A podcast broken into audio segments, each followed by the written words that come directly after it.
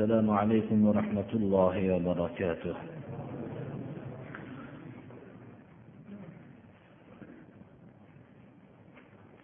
qur'oni karimdan avvalgi juma kunidagi darsimiz suratul anfol ya'ni g'animatlar haqida g'animatlar nomi bilan atalgan sura bilan boshlangan edi bu surani avvalida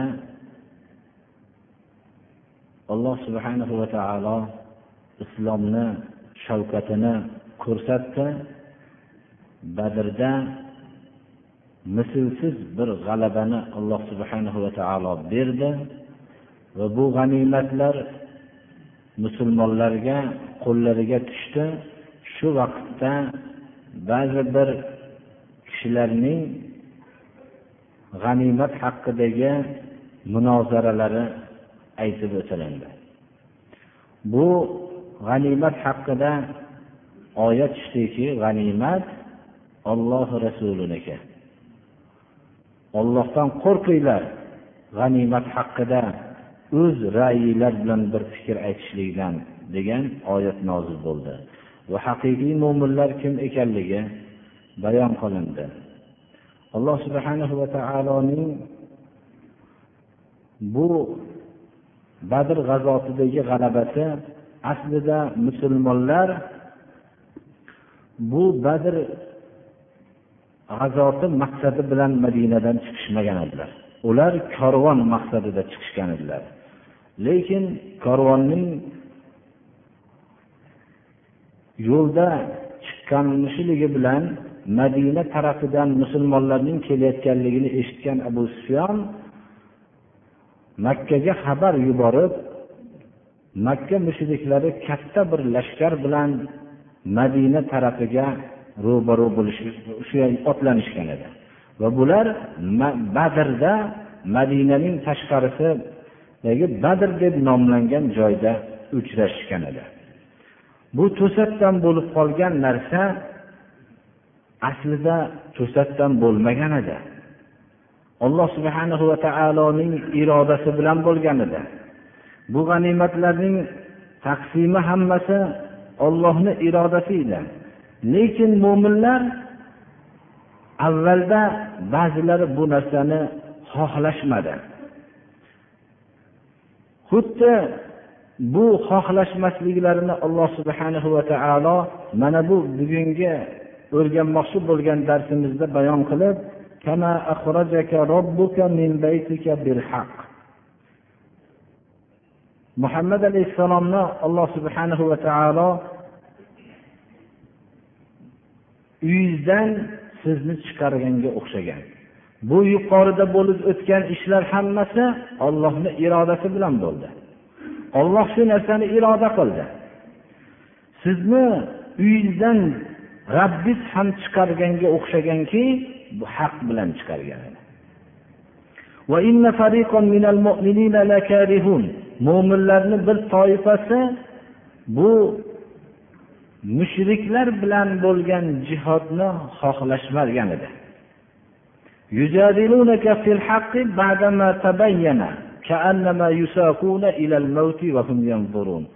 Siz bilan haqda mujodala qilishgan edi.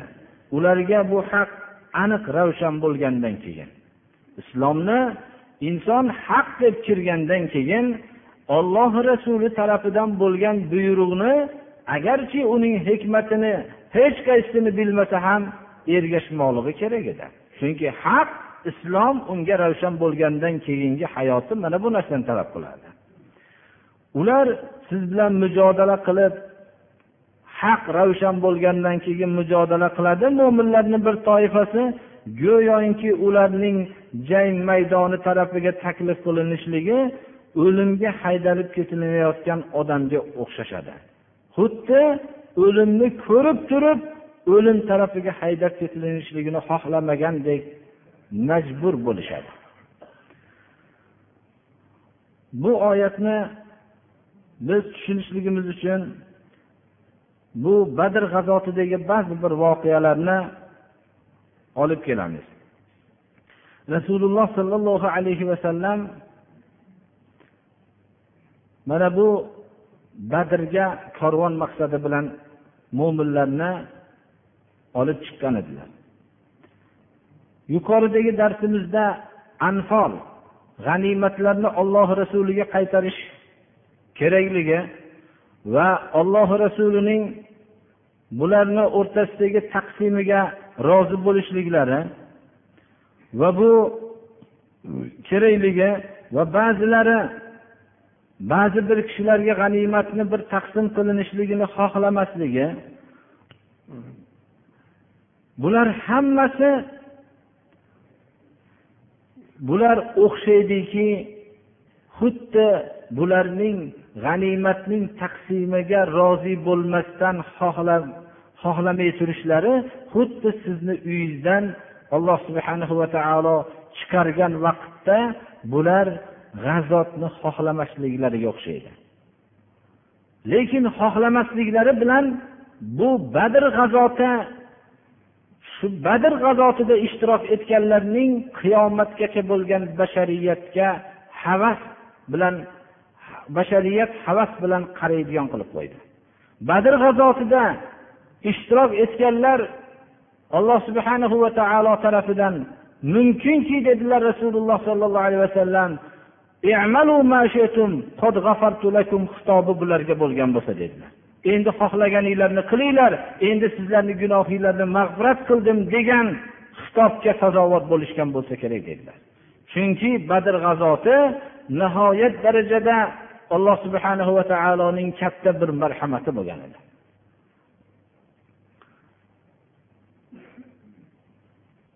payg'ambarimiz sollallohu alayhi vasallam madinada turganimizda deydilar abu ayyub al ansoriy aytdilarki abu sufyonni karvoni kelayotganligini eshitdim dedilar فهل لكم أن نخرج قبل هذا هذه العير لعل الله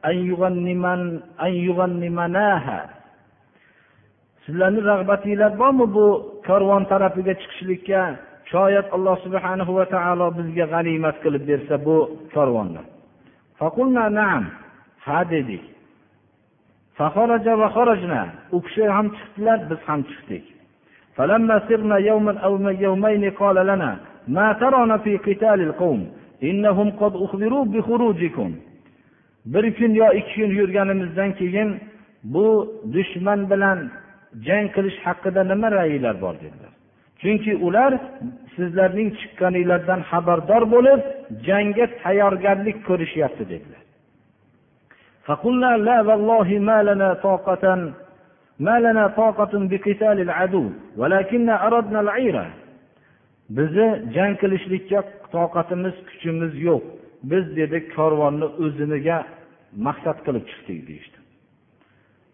Payg'ambarimiz sollallohu alayhi vasallam yana aytdilar bu mushriklar bilan jang qilishlikda nima ra'yinglar bor dedilar. Biz yana bizni toqatimiz yo'q dedik. Shunda miqdod ibn amr turdilarki ya rasululloh اذهب أنت وربك فقاتلا إنا هاهنا قاعدون shunda miqdod ibn amr turdilarda biz yo rasululloh sizga muso alayhissalomning qavmi muso alayhissalomga aytgan so'zni aytmaymiz muso alayhissalomni qavmi muso alayhissalomga dushmanlar ro'baro'ga kelib jang qilaman deb turgan vaqtda siz rabbingiz bilan borib jang qiling biz bu yerda o'tiramiz deyishgan biz u so'zni aytmaymiz. Qayerga borib dushman bilan jang qilsangiz biz siz bilan birgamiz deymiz dedilar miqdod ibn amr. Rasululloh sollallohu alayhi vasallam duoyi xayr qildilar. Ansorlar aytishadilarki qaniydi biz shu miqdod ibn amrni shu so'zini biz aytganimizda deb ko'p orzu qildik. Keyin shunday demaganligimizga ko'p attanglar qildik deyishadilar. Alloh subhanahu va taolo mana bu joyda sizni rabbingiz chiqarganida bu dushman bilan jangga ro'baro qilishlik uchun. Siz bu jangni bilmagan edingiz siz bu yerda korvon uchun chiqqan edingiz ammo rabbiz chiqargan edi sizni jangga. Insonlar qaysi narsada bir xayriyat ekanligini bilishmaydi. Insonlar o'zicha ba'zi narsalar foydali deb bilishadi.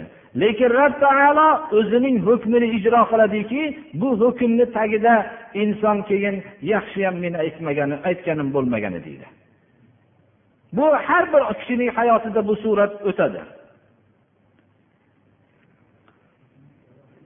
وإذ يعدكم الله إحدى الطائفتين أنها لكم وتودون أن غير ذات الشوكة تكون لكم ويريد الله أن يحق الحق بكلماته ويقطع دابر الكافرين ليحق الحق ويبطل الباطل ولو كره المجرمون alloh subhanahu va taolo va'da qilganida ikkita toifani bittasini rasululloh sollallohu alayhi vasallam aytdilarki menga olloh va'da qilyapti ikkita narsaning bittasini dedilar bittasi korvon ikkinchisi nafir mushriklarning lashkarlarini Yo sizni qo'lingizga korvon tushadi yoinki lashkarlardan bittasi sizni qo'lingizda taslim bo'lishadi ya'ni lashkarlar hammasi deb ikkita toifadan bittasini alloh taolo va'da qilgandi rasululloh sollallohu alayhi vasallam bu narsani e'lon qildilar. Olloh menga va'da qilyapti ikkita toifadan bittasini dedilar. Shunda alloh subhanahu va taolo mana bu yerda mo'minlarning qalbidagi bir holatni ifodalab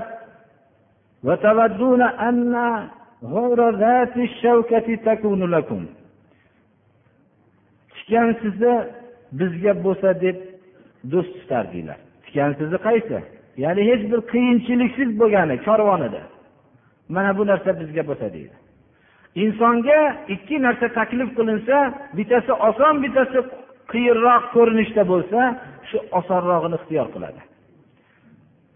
Alloh subhana va taolo mana bu joyda ichki kechinmalarini bayon qilib olloh sizlarga ikkita toifani bittasini va'da qilsa sizlar shu tikan sizni o'zinglarga bo'lishligini orzu qildinglar lekin olloh haqni o'zining kalimotlari bilan ro'yobga chiqarishlikni maqsad qiladi. Va kofirlarni dabir ularning oxirini qirqib yo'qotishlikni ixtiyor qiladi. Nima uchun? Haqni ro'yobga chiqishligi va botilni bekor qilishlik uchun. Agarki mushriklar mujrimlar buni yomon ko'rishsa ham.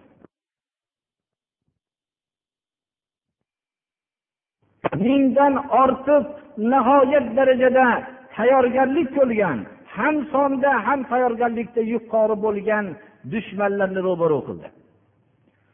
Alloh subhana va taolo bu badrda o'zining katta g'alabasini berdi. Mo'minlar suvsiz joyga tushib qolishdi. Sho'r qattiq joyga tushishdi. Kofirlar muloyim joyga quruq joyga tushishdi. Alloh subhana va taolo mana bu holatga tushirgani o'zini irodasi bilan tushirgan edi. Shayton vasvasa qildiki mana sizlar sho'r qurg'oq joyga tushdinglar. Mushriklar bular bo'lsa yaxshi joyga tushdi deb vasvasa qildi. Suvsiz qoldinglar dedi. Ba'zilar chanqoq ba'zilar junub holatda tong ottirdi ba'zilar o'zlarining markablarini sug'orishlikka suv yo'q edi sahobalarda. Shunda alloh subhana va taolo qattiq yomg'irni berdi. Bular turgan sho'r quruq joy bosqichlik bo'lib qoldi. Qumloq joylari. Uni mushriklar turgan joy botqoqu sirg'anchiq bo'lib ketdi. Yoqqan yomg'irda ular hovuzlar qilishib suv tortib ketmaydigan joyda turishganlari uchun hovuzlar qilib chanqoqlarni bosishdi. O'zlarining markablarini sug'orishdi. Junub bo'lib turgan kishilar tahoratsiz kishilar tahorat qilib alloh subhanahu va taolo ularning qalblaridan shaytonni vasvasasini ketkazdi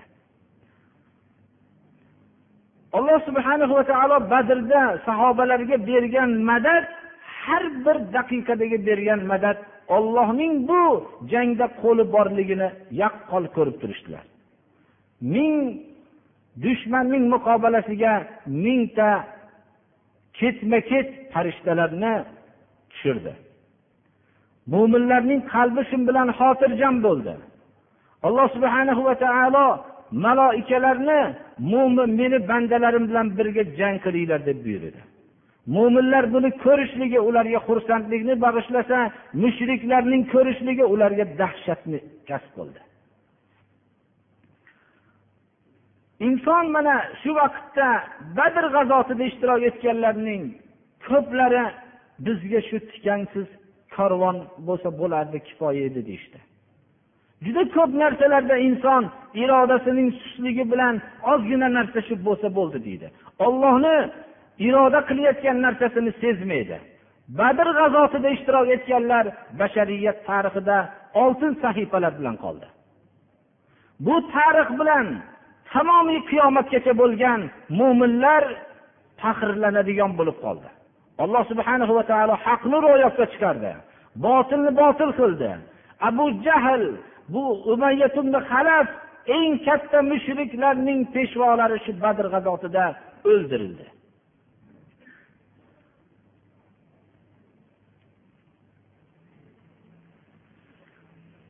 Birinchi marta islom bilan shirk kufr o'rtasidagi jangni alloh subhana va taoloning madadi qanday ekanligini mo'minlar ko'rishdi.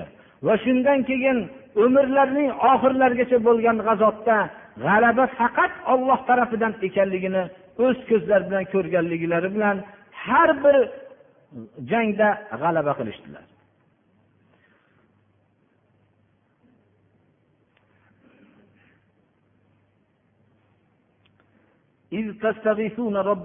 Badrdek holatlarni alloh taolo ifoda qilib shunday deydi.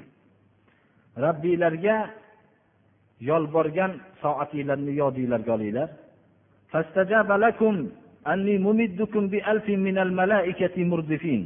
Olloh sizlarning yolborib duolaringlarni qilgan duoinglarni ijobat qildida ijobat qildiki farishtalardan ketma ket saf bo'lib turgan mingta farishta bilan madad beraman sizlarga deb ijobat qildi. Alloh subhana va taolo bu maloikalar madadini sizlarga xursandlik uchun qildi. Qalbinglar xotirjam bo'lishliginglar uchun qildi. Bu maloikalar sizlarga g'alabani olib berishligi uchun tushgani yo'q. G'alaba maloikalar yo sizlar ishtirokiylar bilan hosil bo'lgani yo'q. Maloikalar sizlarga xursandlik bo'lishligi uchun va sizlarning qalbinglar xotirjam bo'lishligi uchun g'alaba faqat olloh subhanahu va taoloning tarafidandir. G'alaba olloh tarafidan beriladi. Azizun hakim olloh qudratli va hikmatli zotdir. Qudratli olloh birga bo'lgan lashkarlar albatta g'olib bo'ladi. Alloh subhana va taolo kimga g'alabani berishlikda hikmatli bo'lgan zotdir? Rasululloh sollallohu alayhi vasallam mana al avvalgi darsimizda aytdik o'zlarining kapalariga badrning chetiga bir kapa tikishdilar. Kapa tikib aytishdilarki yo rasululloh agar biz bu jangda shahid bo'lib ketsak siz madinada bir kishilar qoldiki ular siz bizdan ko'ra suyumli ya'ni bizlardan ko'ra sizni ular yaxshiroq ko'rishadi. Shuning uchun biz shahid bo'lsak siz shu markab bilan madinaga yetib olasiz va ular bilan birga islom da'vatini davom ettirasiz. Shuning uchun sizga kapa tikaylik deb rasululloh sollallohu alayhi vasallamga kapa tikishdilar bu kapada janob rasululloh sollallohu alayhi vasallam kechasi bilan rob taologa yolborib duo qilib chiqdilar duolarning jumlasida xudoyo shu jamoa ey olloh mana shu jamoa halok bo'lsa sen yer kurrasida ma'bud bo'lmay qolasan deb duo qildilar. Alloh subhana va taolo duolarni ijobat qildi. Chunki yakka ollohga ibodat qilayotgan jamoalar shular va madinada qolgan ozgina kishilar edi. mana bu duolarni ijobat qilib alloh subhana va taolo mingta farishta bilan madad berdi lekin bu madad xursandlik uchun takror aytamiz va mo'minlarning qalbi xotirjam bo'lishligi uchun nusrat alloh subhanahu va taolo tarafidandir إذ يغشيكم النعاس أمنة منه وينزل عليكم من السماء ماء ليطهركم ويذهب عنكم رزق الشيطان وليربط على قلوبكم ويثبت به الأقدام alloh subhanahu va taolo badr g'azotida sahobalarga uyqusirashlikni berdi. Buni o'zining katta ne'mati deb o'zining kalomida yod qildi. Inson ajablanadiki shu ne'matlarning avvalida shu ozgina biz lug'atimiz bilan pinak deymiz ozgina pinak olib qolibdi ko'zim deymiz. Oz muddatdagi shu uyqusirashlikni ne'mat deb sifatlanayotganligi bayon qilinayotganligidan ajablanadi. Lekin alloh subhanahu va taoloning bu ne'matini badr g'azotiga o'xshagan qattiq charchovlarga giriftor bo'lgan kishilargina bu ne'matni biladi.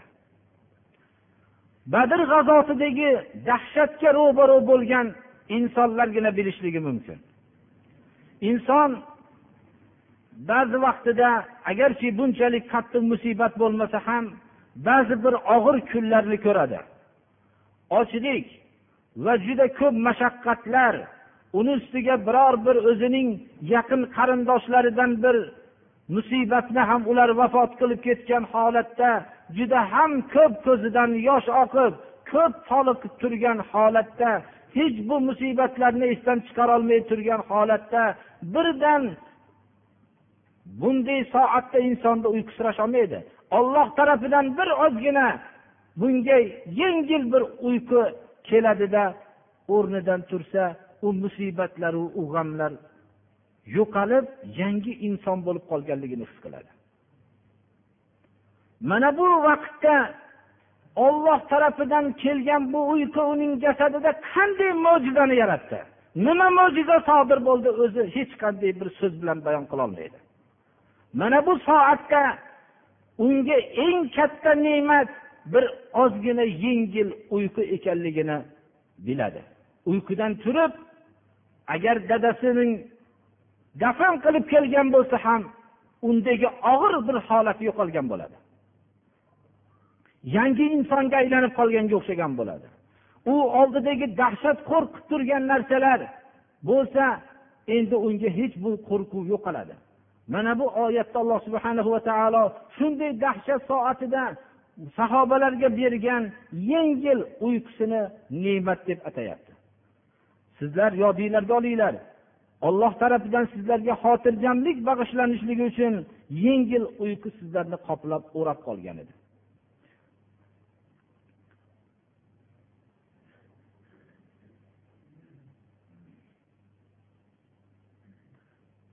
Musulmonlar mana bu holatda to'satdan hammalarini birdan uyqu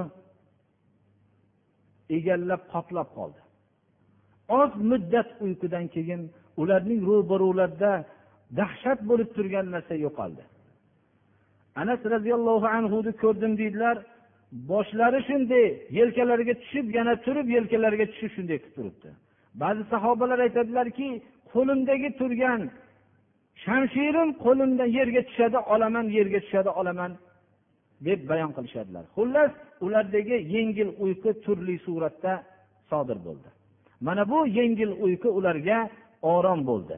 Olloh tarafidan ularni xotirjam qilib qo'ydi. Mana bu ne'matini qur'oni karimda bayon qilyapti. Buni vaqtida uxlab vaqtida ovqatini yeb o'zining nafsi nimani tilasa qilib yurgan odamlar bu ne'matni bilmaydi.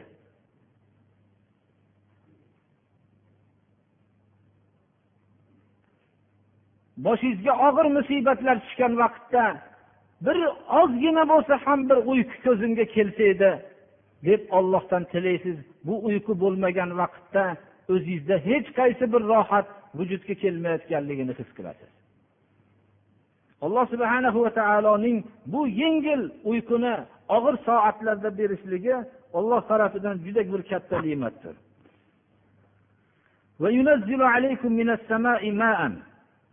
Olloh sizlarga osmondan suv tushirdi. Sizlarni poklashlik uchun. Mana hali aytib o'tdik yomg'irni tushishligi ularga rahmat bo'ldi. Shayton vasvasa qilgan edi mana sizlar suvsiz joyga tushdinglar.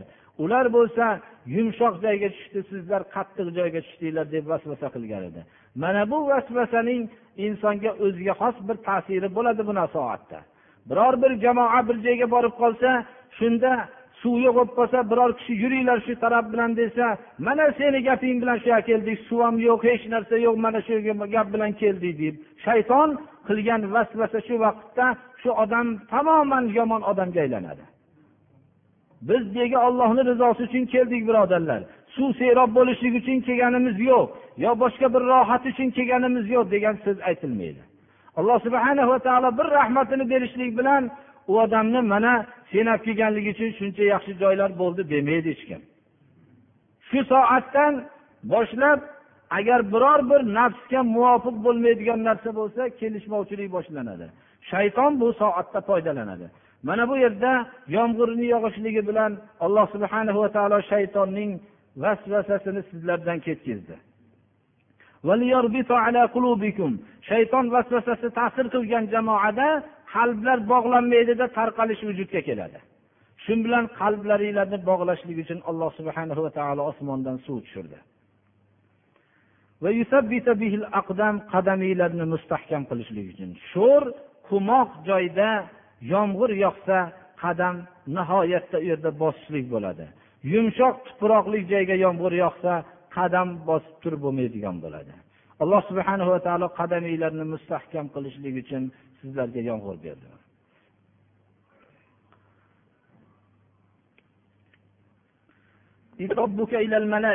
Badrdagi alloh subhanahu va taolo marhamatlarini yodinglarga olinglarki robbiz maloikalarga vahiy qildiki anni maakum men sizlar bilan birgaman dedi.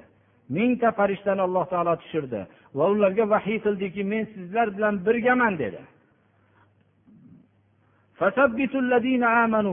Iymon keltirgan kishilarni mustahkamlanglar. Ularning qalblarini mustahkamlanglar. فاضربوا فوق الأعناق واضربوا منهم كل بنان kofirlarni qalbiga tezda qo'rquv tushiraman dedi alloh taolo ularning bo'ynlarini tepasiga uringlar va har bir bo'g'inlariga zarba beringlar deb alloh taolo maloikalarga vahiy qildi Hadis shariflarda borki jibril alayhissalom keldilar nabiy sollallohu alayhi vasallamni oldilariga va aytdilarki ichinglarda badrda ishtirok etgan sahobalarni qanday sanaysizlar dedilar. Deganlarida min afzolil muslimin. Payg'ambarimiz sollallohu alayhi vasallam musulmonlarning eng afzalidan deb sanaymiz dedilar. Yo shunga o'xshagan so'z aytdilar. Qola jibril alayhissalom aytdilarki badrda ishtirok etgan maloikalarni ham maloikalarning afzalidan deb sanaymiz dedilar.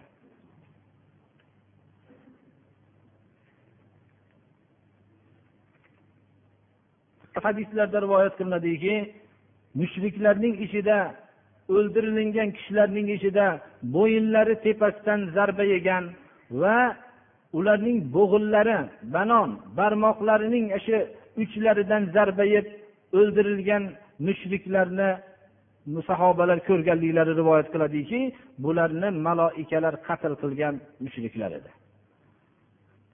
Hatto bular alloh subhanahu va taoloning buyrug'ini shular biror suratda osiy bo'lmasdan bajarishadi. Bo'yinlarning tepasiga uringlar degan holatini shu hukmni ijro qilishganlar. Barmoqlarning uchiga uringlar degan hukmni xuddi ana shu shaklda qatl qilib ijro qilishganlar.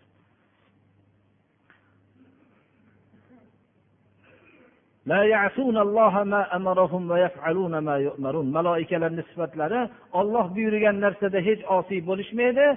Olloh buyurgan ishni qilishadilar xolos.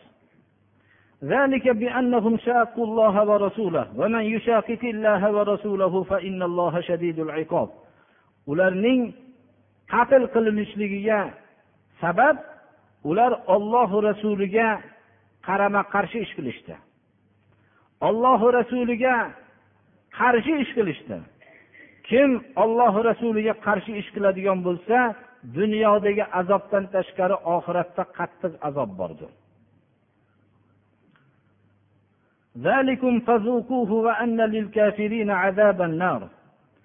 alloh subhanahu va taolo mushriklarga xitob qilib mana bu narsani sizlar tatinglar mana bu dunyodagi sizlarga azob mana buni olib turinglar keyin yana bor kofirlarga jahannam azobi bordir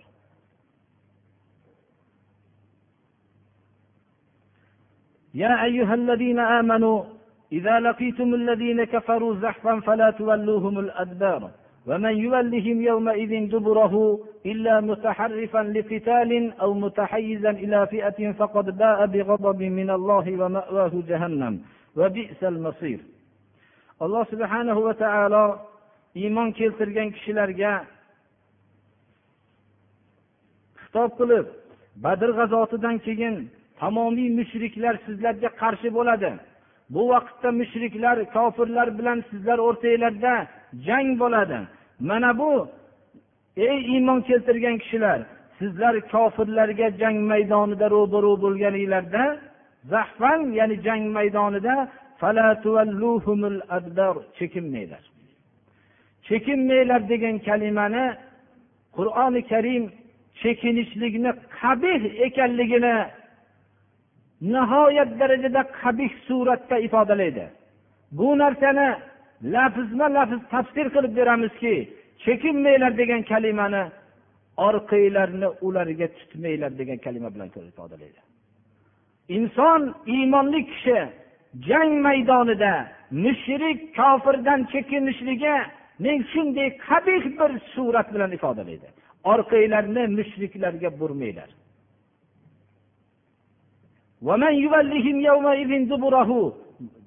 Mushriku kofir bilan ro'baro bo'lgan vaqtda jang maydonida chekinsa ikki kishi mustasno mustasno bo'lgan kishilarni bayon qilyapti alloh taolo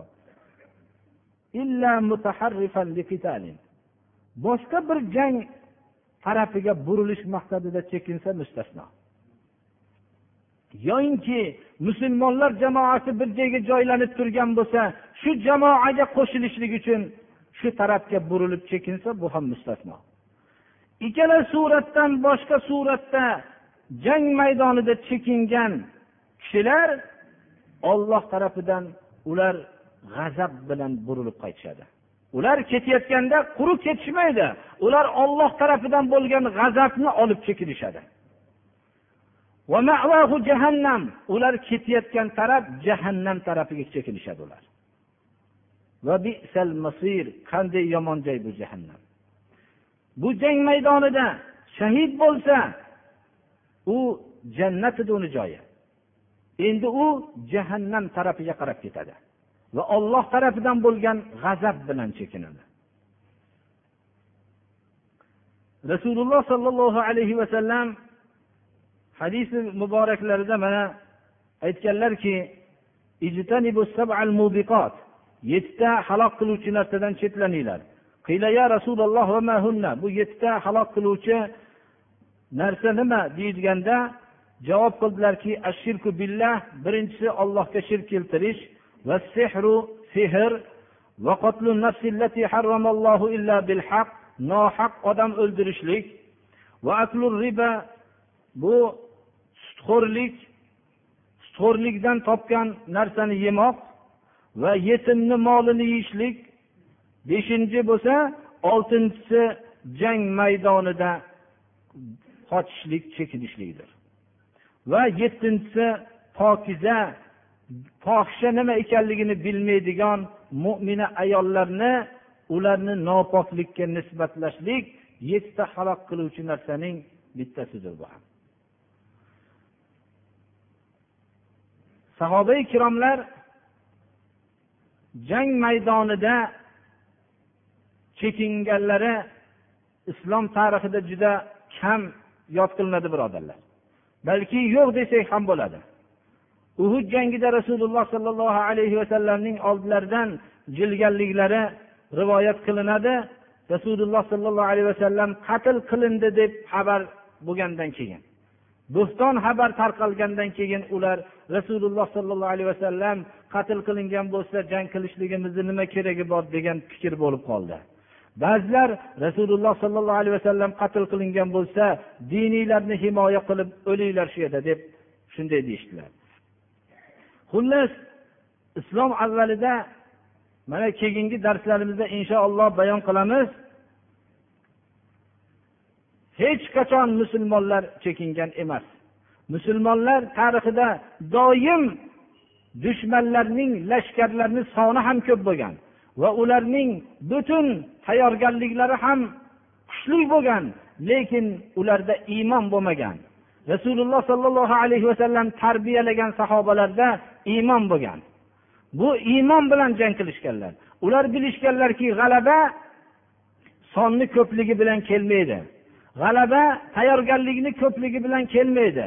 G'alaba iymonni o'zida islomiy dunyoqarashni komil mujassamlashtirishlik natijasidan olloh tarafidan keladi deb bilishganlar.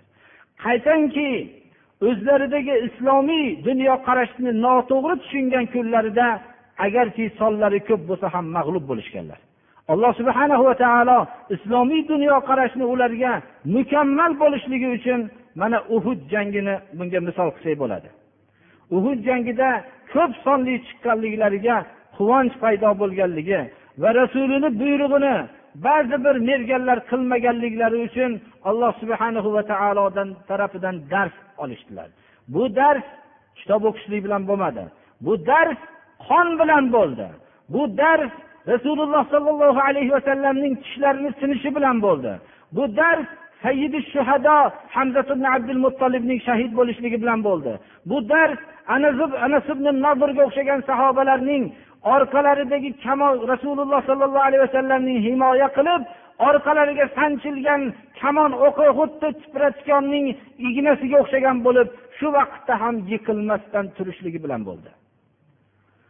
Islomiy dunyoqarash qaysi bir islom jamoasida vujudga kelsa olloh yuborgan rasuliga yuborgan tasavvurni o'zida mujassamlashtirsa komil suratda olloh tarafidan g'alaba keladi albatta.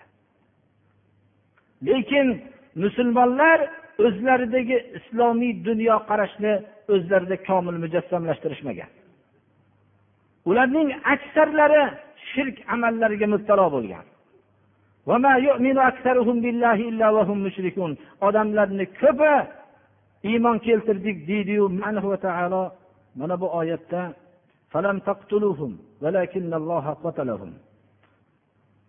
vaqtimiz birodarlar inshaalloh darsimizni yana ikki safarga davom ettiramiz.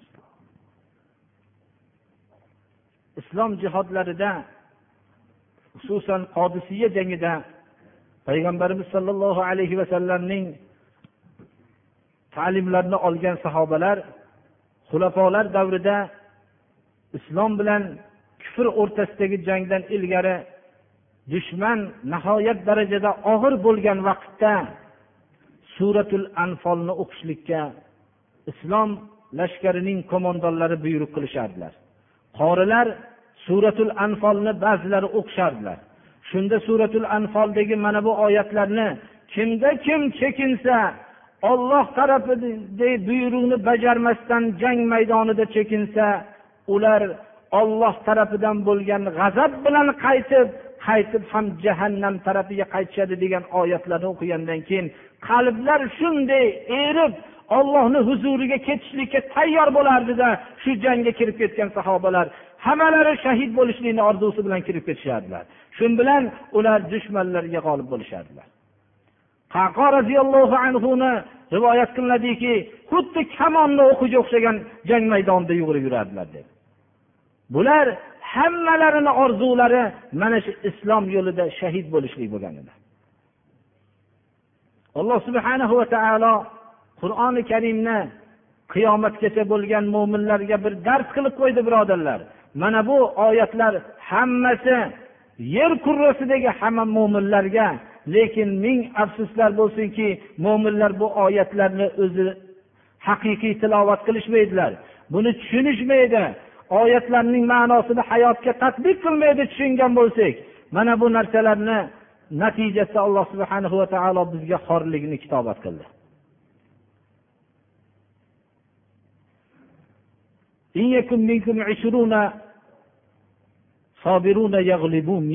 Dedi alloh taolo. Sizlarni ichinglarda yigirma kishi bo'lsa ikki yuztaga g'olib bo'ladi dedilar. Ya'ni yigirma kishi islom avvalida ikki yuz odamdan chekinsa gunohi kabira bo'lgan birodarlar. Yuz kishi bo'lsa sizlardan ming kishiga g'olib bo'ladi dedi. Yuz kishi agar ming kishi mingta dushmandan chekinsa gunohi kabira bo'lgan islom avvalida.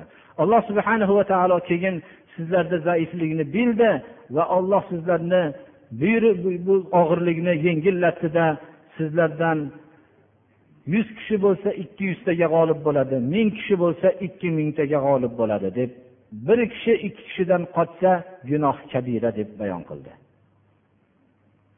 Chunki mo'min odam biladiki o'lsa to'g'ri jannatga ketishligini shahiddagi maziyatlarni fazilatlarga ega bo'lishligini biladi. Shahid birinchi fazilati jon taslim qilish azobini kechirmaydi boshidan shahidni qoni ollohni huzurida mushka ambardan ham xushbo'y bo'ladi. Shahid azobi qabrni bilmaydi. Shahid savol javobga ro'baro bo'lmaydi. Shahidni hamma gunohlari kechiriladi birovdan qarzi bo'lsa ammo kechirilmaydi. Mana bu fazilatlar faqat shahidga va'da qilingan birodarlar.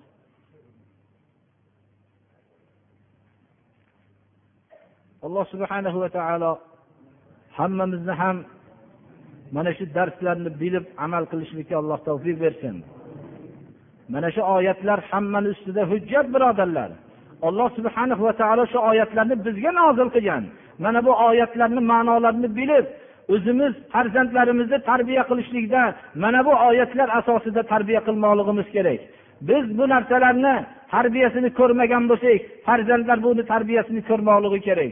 Qalbda faqat ollohdan qo'rqadigan qilib tarbiyalamoqlik kerak. Ollohdan boshqadan qo'rqish yarashmaydi insonga xususan mo'minga. Mo'min faqat o'zining yaratuvchisidan qo'rqadi o'zining bitta gunohidan qo'rqadi. Mana bu qo'rquv hosil bo'lganda u mo'minni ro'barosidagi hamma narsa unga bir e'tiborsiz bo'lib qoladi unga qarshilik bo'lib turgan narsalar. Biz mana shu ruhdan mahrum bo'lganligimiz uchun ko'lankamizdan ham qo'rqib yashaymiz birodarlar. Alloh subhana va taoloning marhamati sahobalarga bo'lganki mana bular shu hayotlariga shu oyatlarni hammasini tadbiq qilishganlar. Alloh subhana va taolo bizlarga ham shu darsdagi o'tgan ma'nolarni qalbimizga jo qilib amal qilishlikka alloh tavfiq bersin. Qiyomat kunidagi olimlarni ba'zilar aytgan ekanlarki eng savol javobning og'iri menga shuki bilding nimaga amal qilding degan savoldan qo'rqaman degan ekanlar. Mana shu biz ham bilyapmiz hammamiz birodarlar. Nimaga amal qilding degan savol bor bizga. Alloh subhana va taolo qur'oni karimda bilganlar bilan bilmaganlar barobar bo'ladimi? degan oyat bor. Buni ko'pchiligimiz bir taraflama tushunamiz. Ya'ni bilganlar bilan bilmaganlar barobarmi? Bilganlarning darajasi juda baland bo'ladi deb tushunamiz. To'g'ri oyatning ma'nosi shunday. Undan boshqa ma'nosi ham shuki bilganlarning azobi bilan bilmaganlarning azobi barobar emas. Bilganlarning azobi qattiq bo'ladi ular ollohni rasulini so'zini eshitib turib shuni amal qilmaganligi uchun. Biz mana bu tarafini ham bilaylik faqat. Biz bilganimiz bilan faxrlanib qolmaylik. Bilganlarning azobi bilan bilmaganlarning azobi barobar emas. Alloh subhana va taolo hammamizni ham alloh subhana va taolo amal qilishlikka tavfiq bersin. Saflarni to'g'rilanishi to'g'risida xat yozilibdi. Saflarni to'g'rilashlik to'g'risida biz aytyapmiz. Qilmagan bo'lsa javobgar o'zlari bo'lishadi. Unda namoz o'qilgandan quloq qoqilgandan keyin orqadagi turgan safdagi kishilar oldida bo'sh joy bo'lsa o'taveradi namoz vaqtida. Tushunarlimi? Namoz vaqtida bo'lsa ham o'taveradi bo'sh joy bo'lsa. Agar keyingi saf o'zidan oldingi safga javob beradi. Jome masjidimizda ba'zi kishilarimiz hujjatsiz ba'zi masalalar qilishyapti. Masalan erkak kishilarni shimi oyog'ini oshig'ini yuqorisida bo'lishi kerak. Agar oshig'i ustiga borib qolsa gunohkor bo'ladi deb ko'p odamlarga aytyapti. Bir kishi shu to'g'risida tushuntirib bersinlar. Aytyapti bir kishi dedilar buni ma'nosi shuki agar biz bu masalani haqiqatda o'zimiz mana shu juma namozida aytmaganmiz birodarlar. Aytmaganligimiz bu narsaga bir sekin tushunib borsa degan bu savol bizni majbur qilib qo'ydi. Kim oshig'ini pastida libosini tushirib yursa bu narsa takabburan bo'lsa deyilgan. Ya'ni bu jahannamga kirishga sabab bo'ladi degan bu yengil gap emas birodarlar. Imom buxoriy rivoyatlari.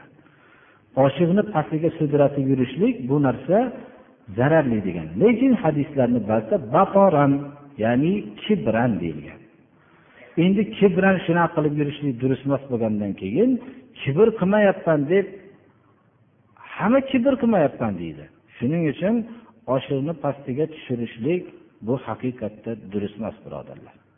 Bu kishi agarchi bir kishi aytayotgan bo'lsa ham bu gap hujjatli. Lekin biz bu narsani bayon qilolmay qilmaganligimiz o'zimizni aybimiz bu narsa. Shuni bilaylikki hamma odamlar bu narsa oshiqni pastiga tushishligiga liboslarini yo'l bermasligi kerak. Bu faqat ko'ylakni o'ziga bir bayon qilingan bir ko'ylaklar bo'lar ekan shunaqa ko'ylaklarni uzun qilib kiyishar ekan shu ko'ylakni qilib shunday yurishlik mumkin emas. Hadislarni sarih lafzi shuni ko'rsatadiki faqat ba'zi ulamolar batoran ya'ni bu kibran shunaqa qilsa deganlar kibrsiz bo'lsa shunday durust bo'laveradi degan narsani ba'zi bir ulamolar aytishgan. Shu sababli biz ham indamay yurardik. Bu narsani shuni bilaylikki oshiqni ko'rinib turishligiga harakat qilmoqlik kerak kishilarga shifo bersin. Hayr notinch bo'lib turgan kishilarga alloh taolo tinchligini ato qilsin. Befarzand bo'lgan odamlarga alloh taolo farzandi solih ato qilsin. Alloh subhanahu va taolodan taqvo qilishlikka avvalo o'zimni va sizlarni shunga vasiyat qilaman. Alloh subhanahu va taolodan taqvo qilish ollohni huzuriga olib ketayotgan amallar ichidagi eng oliysidir. Va shu bilan birga kitobi sunnat hukmlarini eshitishganda shu bilan hidoyat topishlikka yagona omildir. Alloh subhanahu va taolo qur'oni karimning avvalida alif lam mim zalikal kitabu la rayba fih hudal lil muttaqin ollohdan qo'rqqan kishilargagina xos hidoyatdir deb o'zini kitobini hammaga hidoyat demayapti. Faqat ollohdan qo'rqqan kishilarga taqvo sifatiga ega bo'lgan kishilargagina hidoyat deb aytyapti. Taqvolarning suratlari biz ko'p amallarni o'z ichiga oladi. Shulardan bittasi biz kofirlarga o'zimizni o'xshatib qo'yishlikdan saqlanmoqligimiz kerak. alloh subhanahu va taolo qur'oni karimda إن الذين كفروا من أهل الكتاب والمشركين في نار جهنم خالدين فيها أولئك هم شر البرية ahli kitoblardan bo'lgan kofirlar ya'ni bir ilmsiz kofirlargina deb aytib qo'yilayotgani yo'q ahli kitoblariki yahud nasorolardan bo'lgan kofirlar mushriklar bular hammasi jahannam o'tida abadiy qolishadi. Bular xalqlarning ichidagi eng yomonlari deb bayon qilyapti. Demak biz kofirlar va mushriklarni odamlarning eng yomoni demoqligimiz kerak. Rabbimiz aytgandek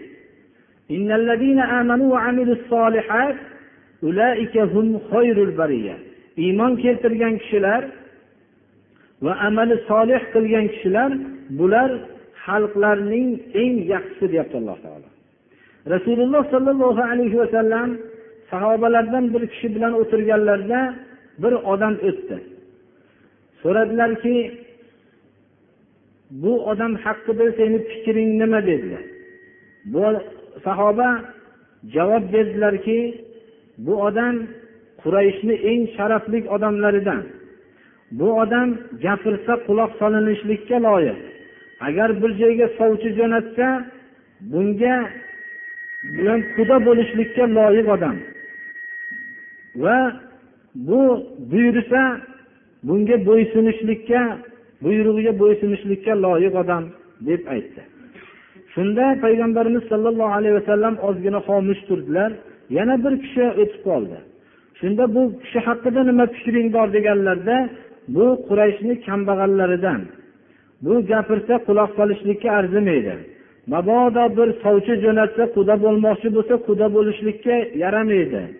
Buni bilan birga hamnishing bo'lishlikka yaramaydi deganlarda rasululloh sollallohu alayhi vasallam aytdilarki mana shu sen kambag'al deb atagan shu senga yoqmagan shu odam yaxshiroqdir u avvalgi odamlar bilan yer yuzini to'ldirib bo'lganligidan dedilar.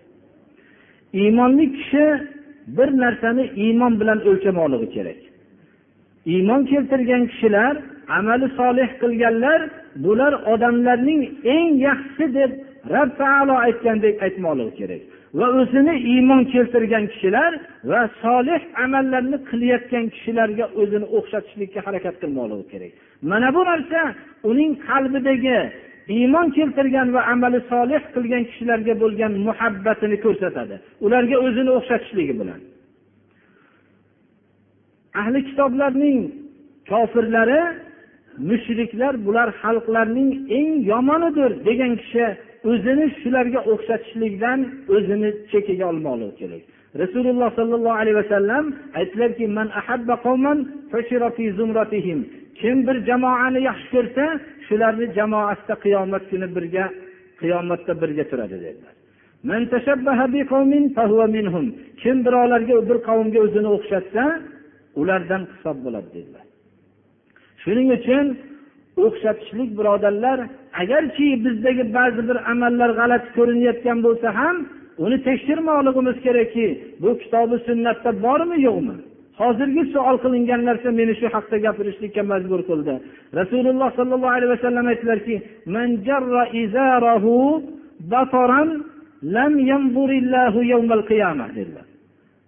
agar kim o'zini libosini sudrab yursa alloh taolo qiyomat kuni unga qaramaydi dedilar. Ya'ni shunda batoran kibran shunday qilsa dedilar. Shuning uchun tekshiraylik. Rasululloh sollallohu alayhi vasallam va ashoblar nima qilishganlar?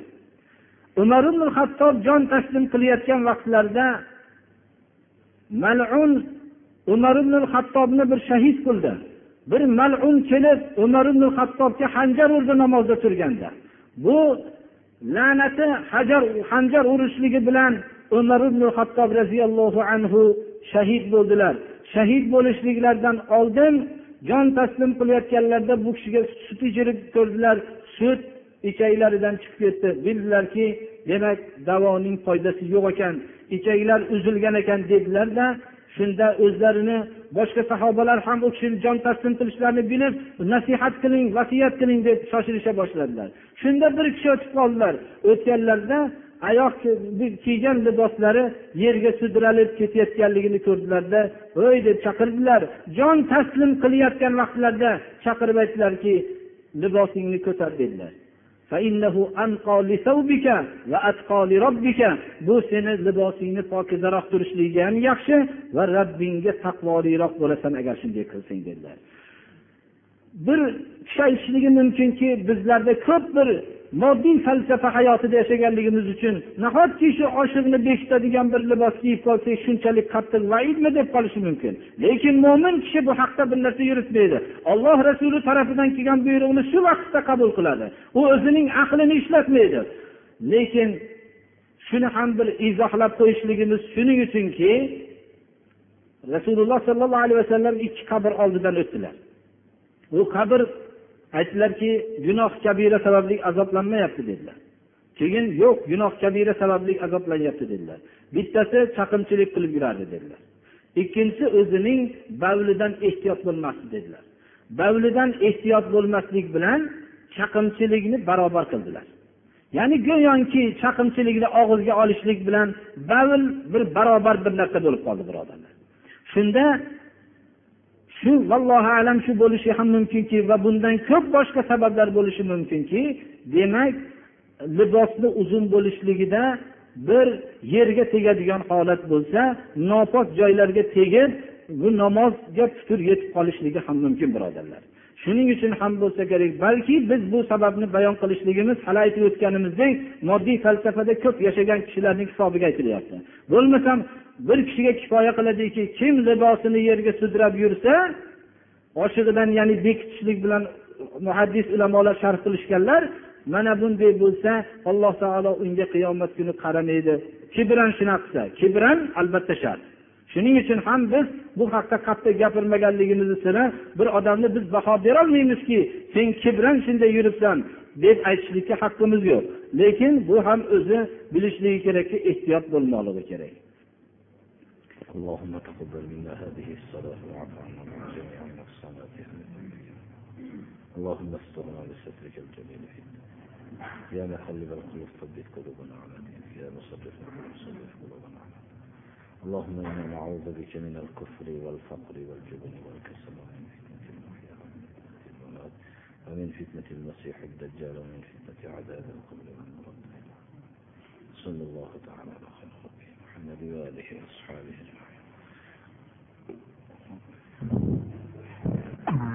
بسم الله الرحمن الرحيم. ياسين والقرآن الحكيم إنك لمن المرسلين على صراط مستقيم.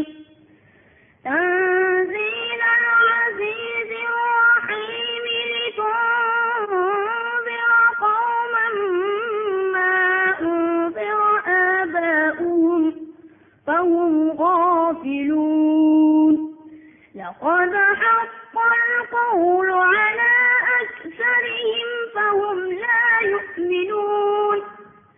إنا جعلنا في أعناقهم أغلالا فهي إلى الأذقان فهم مقمحون. وجعلنا من بين أيديهم سدا ومن خلفهم سدا فأغشيناهم فهم لا يبصرون. وسواء عليهم